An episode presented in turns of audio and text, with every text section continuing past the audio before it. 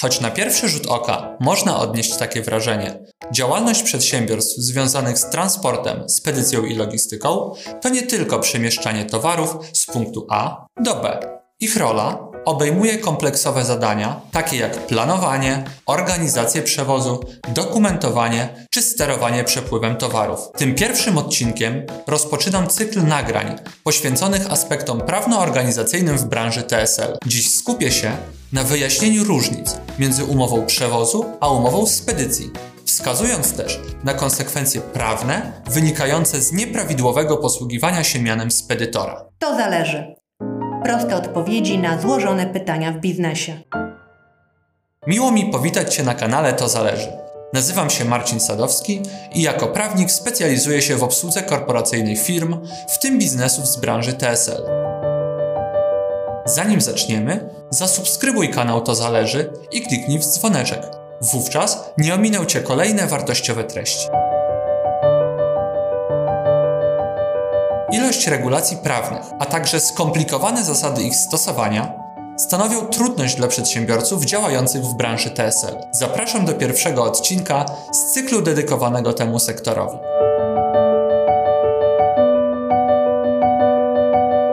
Prawo a praktyka w TSL, umowa przewozu i spedycji, co warto wiedzieć. Przepisy polskiego prawa definiują zarówno umowę przewozu, jak i umowę spedycji. Pomimo dostrzegalnego podobieństwa, są to zupełnie odrębne kontrakty, których nie należy ze sobą mylić. Czym jest umowa przewozu?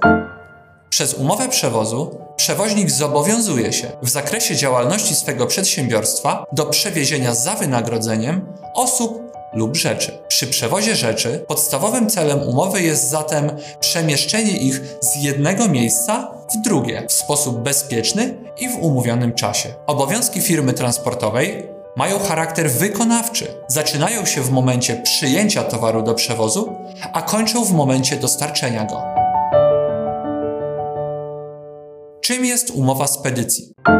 Przez umowę spedycji spedytor zobowiązuje się za wynagrodzeniem w zakresie działalności swego przedsiębiorstwa do wysyłania lub odbioru przesyłki albo do dokonania innych usług związanych z jej przewozem. Przedmiotem umowy spedycji jest zatem zorganizowanie przewozu, czyli wykonanie czynności towarzyszących przewozowi, aby odbył się on bez komplikacji i w przewidzianym do tego terminie. Usług spedycyjnych ma charakter otwarty. Mogą być one wykonywane przed rozpoczęciem przewozu, w trakcie przewozu, a także po jego zakończeniu. O kwalifikacji danej czynności jako usługi spedycyjnej decyduje kontekst, w jakim stała się ona elementem procesu przewozowego danej przesyłki. Kiedy spedycja staje się przewozem? Choć przedstawione wcześniej rozróżnienie zdaje się być dość oczywiste i zrozumiałe, tak w praktyce budzi liczne wątpliwości. Podstawowym i bardzo powszechnym problemem branży TSL jest sytuacja, kiedy firmy nazywające siebie mianem spedycyjnych faktycznie zawierają umowy przewozu. Status spedytora tłumaczą tym, że choć umowa dotyczy wyłącznie przewiezienia towaru z punktu A do punktu B, tak one w rzeczywistości od początku osobiście nie wykonywały przewozu, a jedynie zleciły go kolejnemu przewoźnikowi.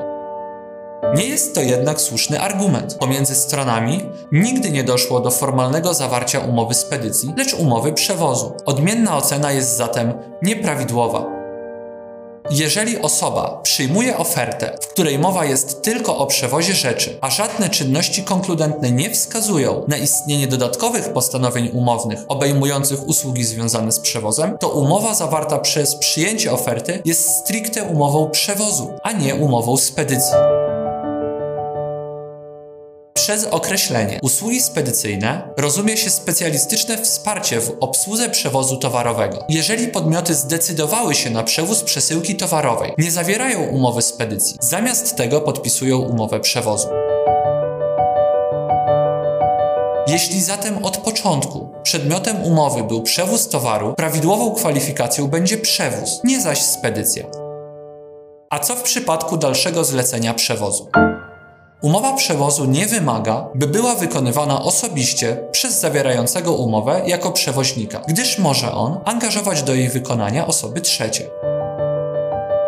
O zawarciu umowy spedycji wcale nie świadczy fakt, że osoba przyjmująca ją do realizacji dokonała wyboru przewoźnika, środka transportu i była zobowiązana do stosowania się do wytycznych wskazanych w umowie.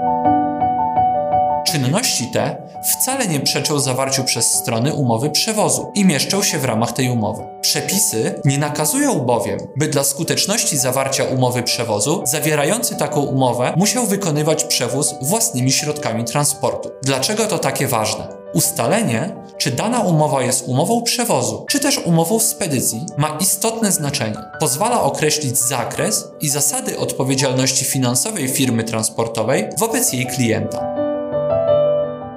Jeśli bowiem zawarta przez strony umowa rzeczywiście jest umową spedycji, to spedytor jest odpowiedzialny tylko w zakresie wyboru przewoźnika na zasadach winy w wyborze oraz za niewłaściwą organizację tego transportu.